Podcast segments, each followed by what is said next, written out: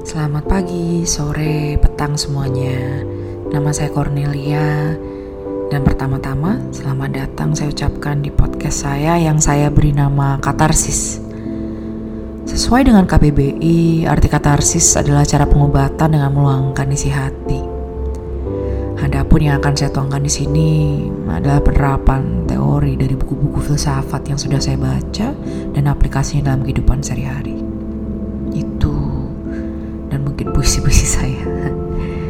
Yang jelas, semoga apa yang saya bagi di sini bukan saja dapat menjadi katarsis bagi saya, namun juga bagi kalian semua.